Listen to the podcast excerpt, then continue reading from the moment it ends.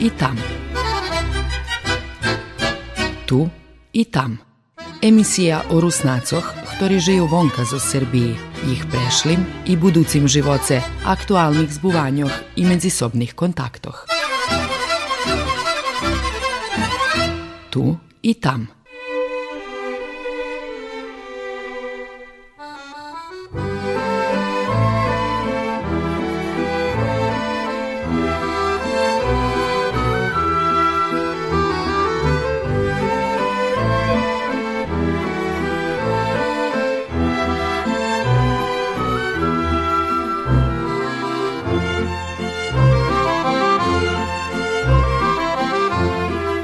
Dobry dzień, poczytowani słuchacze. U dneškajšej emisiji učujete rozvarku zo z Dejanom Nanjom, zo z Paddingtonu u Kanadi pochodzenjem zo z ruskого kerestura. Rozvarku zo z Terezu Nadjovu sluhali ste prešloho týždňa u prešle emisiji, a teraz učujete ich pripovedku zo z jeho uhla.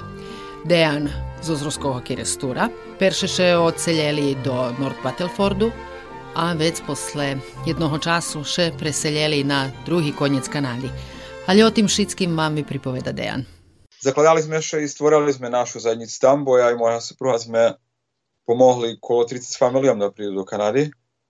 I stvarno sme uložili veľa času i energiji, živci i penježi na kraju, hoćeš penježi najmanje bitna stvar u tim, ali veljim torišom sme pomogli da pridu co prišli so svojima 20 zevrami, znači bi im všetko vyplatili, avionský karty, kvarteli, lekárski to ti prepatrunky, celé procedúry, aplikácií i auta pokupovali, všetko i oni nám časom vracali, dok stanuli na nohy, za pár roky tam vracali. To nás, to bol náš výbor, ale nás jak familiu zakočilo i finansíne, všetko, ale nechyba, ja, ja to nie spomínam pre toto.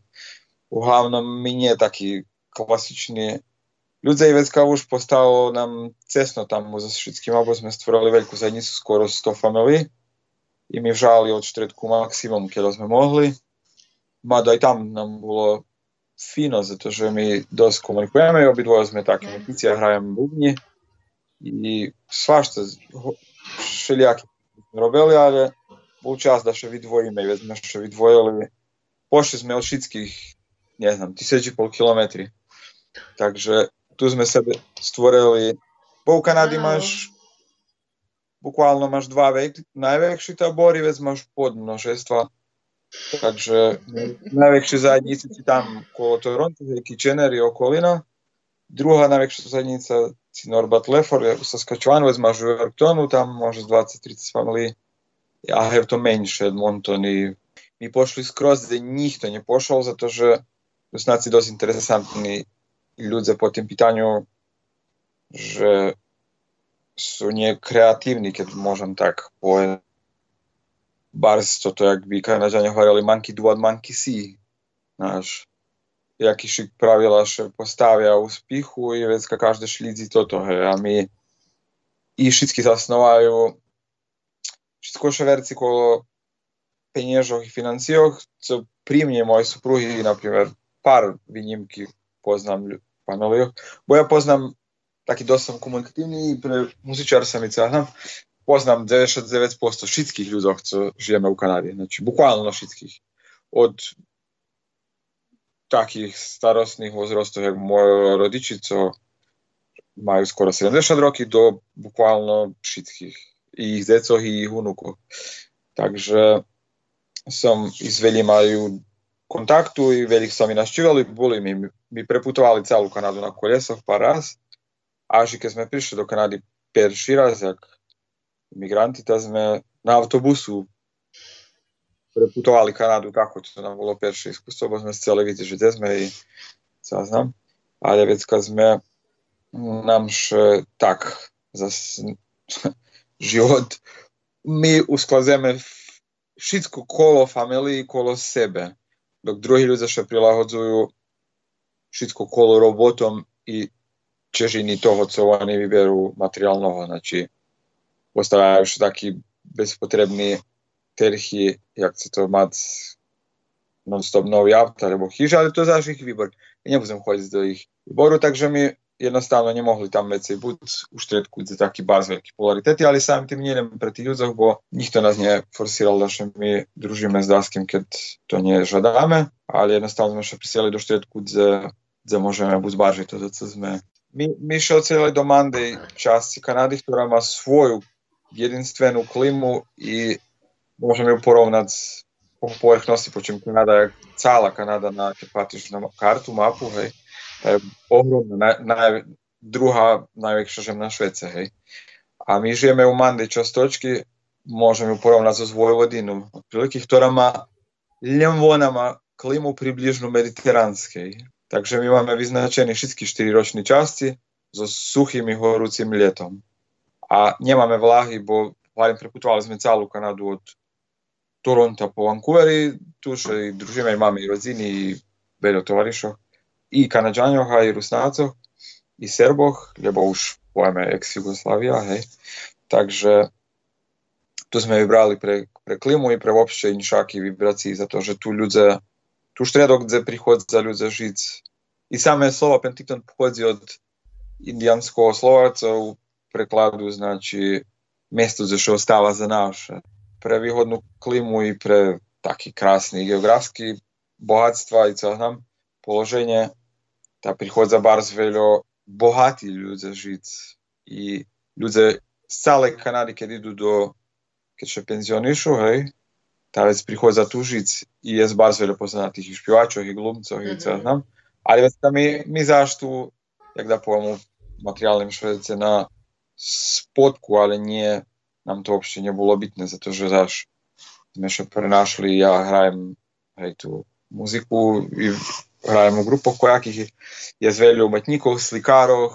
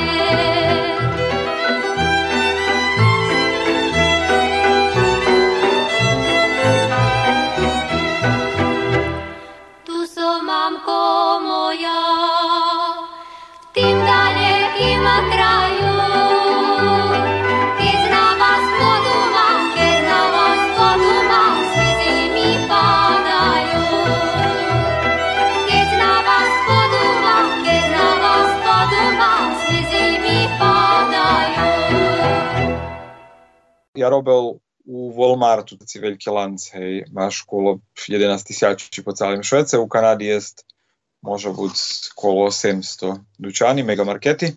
Ja tam počal robiť, počím mi švajzovanie, toto nie, še nepačilo, totálno mi neodvitovalo za zdravie. To som, i, i popri toho, že pláca bola astronomská, znači pred 2600 roku sme zarábali kto chcel a tedy bolo nenormálno veľa roboty. Mohli sme robiť 7 dní u týždňu po 10 hodiny a všetko to si veci od 14 hodiny do týždňa to si jak preko vremeni vola i to si placené duplo a švetaci dva razy po placení. Takže veľi Rusnáci robili bukvalno 7 dní u týždňu i co znam. I zmohli še fino i co znam. Takže peniaži, a nie sem išao za peniaža, bo u Kanadi nije problem zarobiť peniaži, to každé može. Ljem problem še nie stratiť, ja postavil tu také veľa našo internej šali, že nie fazon buď u Kanady tlustý, lebo u dlustvoch, zato že to každé môže, banka si ponúka milión kreditných karticí, milión pa aj tých kreditoch milión zadlženia a plus ty isto nefázam buď za to, že jedzenie si same skáka do ústoch, lebo do kočíka udučahnu. Hej, no to som uchábal švajzovanie posle krátkoho času, za to, že som nechcel predať svoje zdravie za peniaze. Aj zo Srbii som našel nejaký zdravstvený problém, jak to brochity som mal od rodzenia i već som šaku zvišuljka, bar mi neodvitovalo, bo som ušel švajzovať u gazmarskico, znam, i varim. I popri toga, že sem zarabljal barzveljo, pohabil sem, njemal sem robotu par mešaci, ljedvo sme vyživljovali, na šće sme mali rodziny, rodzinoh, ktorí nam požičali penieži, že by sme prežili nejaký čas, dok še nejdeme. I već sam počal robotu tak, jak najnižší školar, ktorý môže bez zakončenej školy skladať cipeli u megaparku megamarketu. Na polički, mal sam 5 raz menšiu plácu, jak na švajzovaní. Ale bukvalno 5 raz. Ale mi to nezavadzalo, za to, že som bardzo napredoval s jazykom. Za to, že som bol direktno vyložený u komunikácii so mušteriami u Lučanu a samým tým som bol na oddeleniu so s ľuďmi, ktorí som direktno bol pojazaný, musel som s nimi komunikovať 8 hodín na deň a samým tým Dučan mal okolo 350 zaniatých, takže tu je komunikácii non-stop to, tutaj na, na szczęście Kanadzianie bardzo, bardzo, bardzo tolerantni. Jednostavno takie, taki tu system, że nie znasz robić, nie chyba nauczysz. Nie, nie znasz jazdy, nie chyba nauczysz.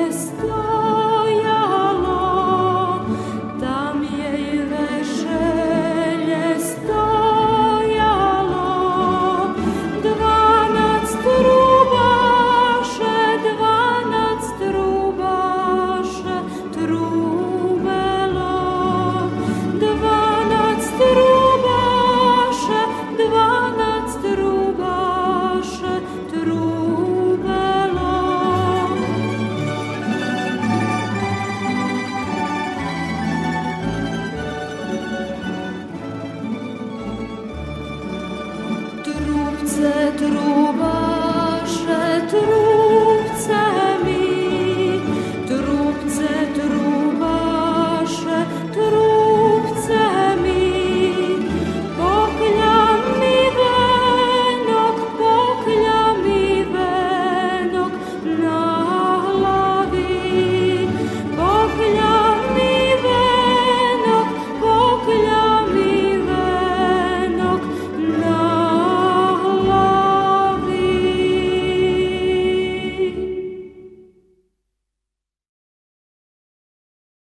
rozvárku so s Dejanom Náňom zo Speddingtonu u Kanadi pochodzeniem zo z ruského Kerestura, gdzie še zanimal zo z muziku, gdzie hral bugni, co mu veľo pomohlo i u novim živoce, u novim Švece. Moj bradovec už poznal kojakih tih uličnih muzičarov, pozberal od njih kontakt vizit kar karti, už som tam mal ich čísla telefónoch, aj že som aj nebol tu. I čím sme sa presedeli tu, o týden som už hral u muzičnej grupie. U, to, u tej istej grupy som upoznal chvíľkového gazdu, za ktorého robím odtedy, ktorý sme sa bukvalno zaljubili na pešu patrunov muzični, jeden do druhого, ale tedy ja robil u tým Walmartu u nosnej smeni s malým deskom i bar sme akože klikli tak jak osobi, jak muzičare i všetko i on oni dosť forsirali da mi máme to veľa probiť. Ja, ja nemohol postarčiť so, so spaňom, so všetkým, so kontrasmenami, so supruhom. Jednostavno som im hovoril, že na probácia, ale ja, musím ísť z grupy, zato že me spal som po 2 hodiny, oni si mi bar zapadnul, no som, som mal bronchitis, mi še nam.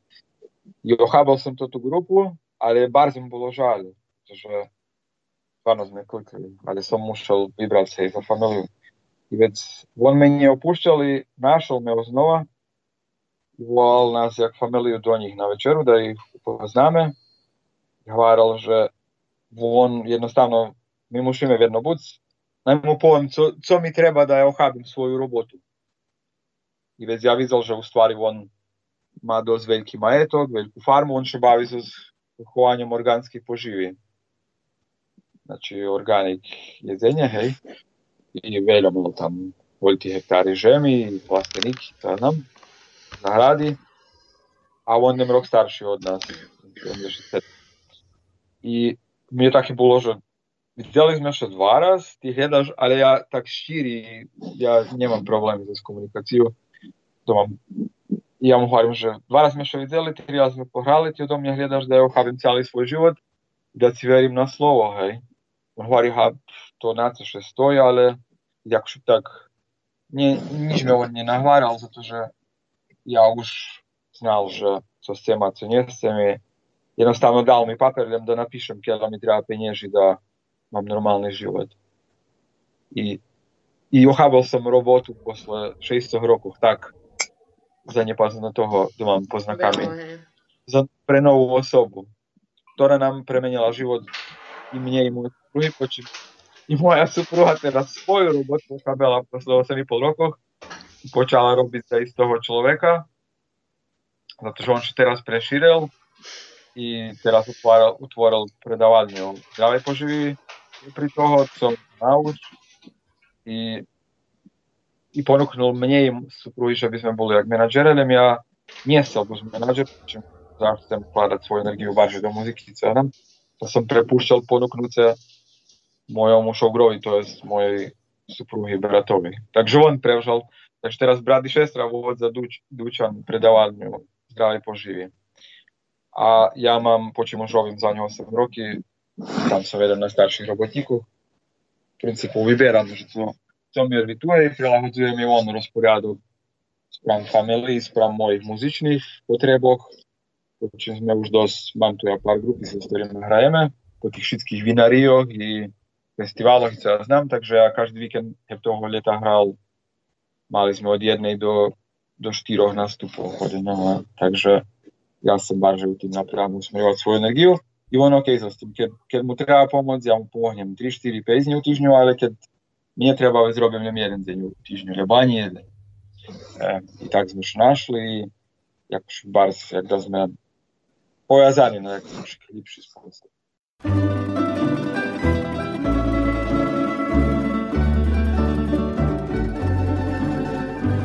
Aha dnjoh mladih dom ja slave I rusnacoh ljubel svojih I mu pisnjoh ljubov glaše I ljubeni bulja od njih I mu pisnjoh ljubov glaše I ljubeni bulja od njih Znala moja pisnja zoka Slizu virvac jagli kresa môj hlas i spoza hroba znám. nehoze nijak prestać i za to tu ljubav jeho. Dvaljem slizi z ruskih mošov budu placa šveta to švitskih mojih špiva nočkov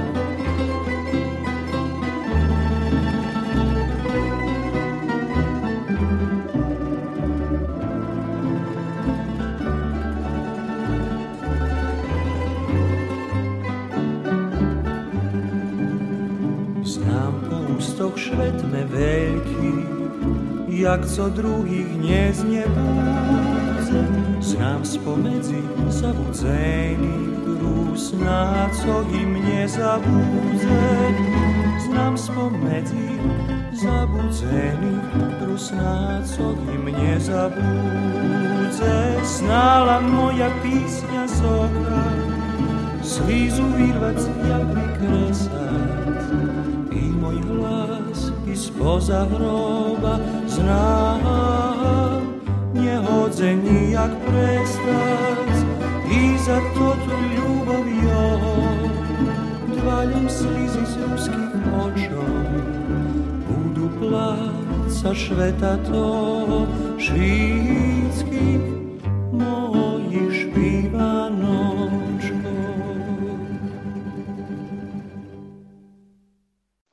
z muziku my hrajeme, časti sme v nejakých zadnicoch i tu je veľa sezónskych robotníkov, ktorí prichádzajú zo Quebecu.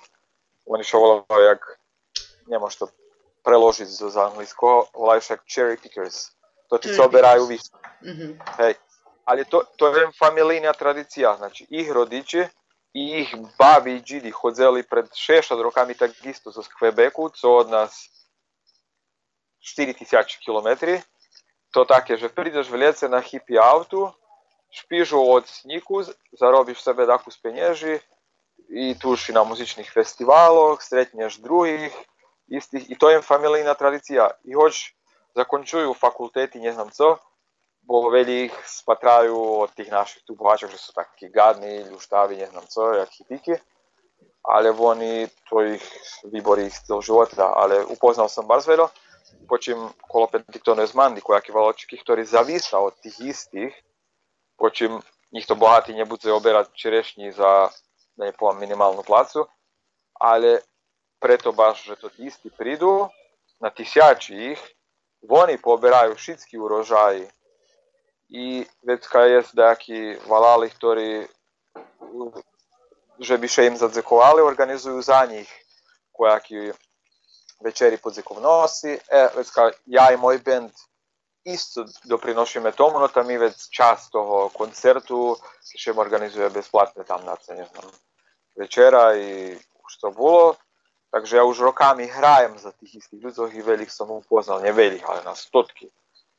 Takže a samým tým zo, u tým paketu si prichádza to tí všetky istí. Yogi, body talk, energy healing, aj samim To všetko vyprepletane, znači tradicija, jakašik hej, prastara, hej, hej. aj da povieme, zo teraz New Ageom, to všetko deška, hej, hej. Je, je, je jeden nový spôsob života.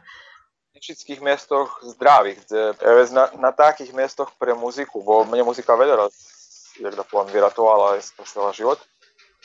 Takže ja na lotu už dobil veľa raz sedmicu tak i tu me privedla u Kanadi, bo u som mal čest, že som upoznal jednoho, tak nič se neslučuje spontánno i zadarmo u životce, ale všetko je z jakých smysl, čom sa to slučalo.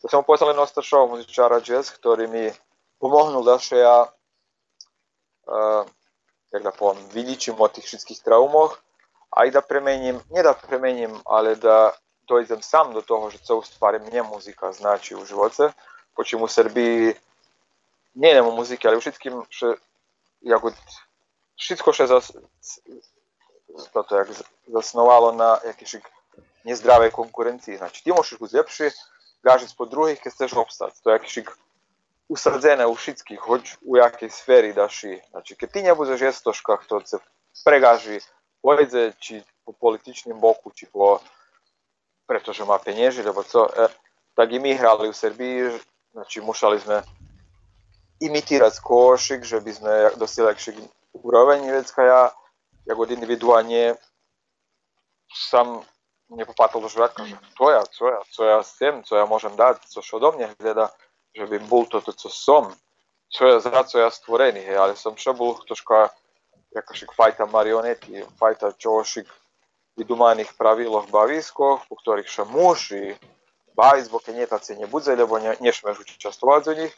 Veď zažu Kanady so s tým jazz muzičarom, ktorý mi že by ja pochopil muzično, kto som, co som, bo to bar po, po, muzika zo tvoju nukašnju, jakušik, nukašnjim bohatstvom i takže odtedy mi še skroz premenilo, že som jak muzičarky vše košik imitiraš, vše chceš košik dosihnúť, jakšik úroveň, vše, vše byš ľúbil buď troška druhý. Dok so, s jeho pomocou som došol do spoznania, že to nie potrebi da ja troška budem druhý, pretože ja môžem byť ja najbardziej, keď môžem. Môžem hasnovať z druhých ljemu hranicoch inspiracji. Znači, nie da choro košik imitujem, lebo sem dostignúť jeho úroveň. So, ušore, keď chceš vytestirať svoje možnosti, co ja znam. Ale som spoznal i teraz nemám uopće na miru i, od, i spadli mi baz vedo, vedo, vedo teh izospljecov i proti taški sam jednostavno deška položil, gdje ani ne znam gdje su, ani mi ih već ne treba živote.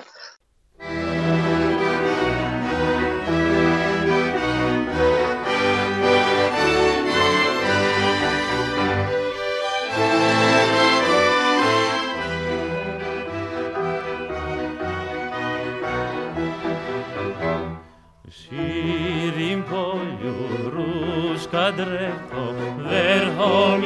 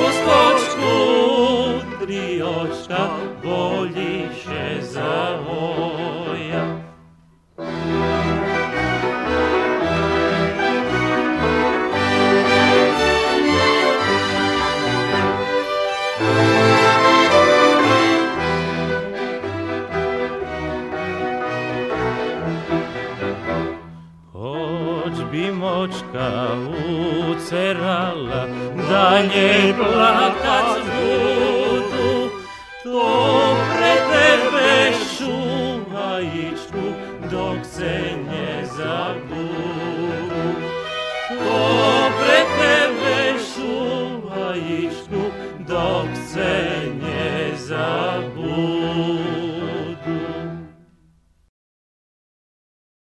Sluhali ste rozvarku so Dejanom Naďom u emisiji Tu i tam.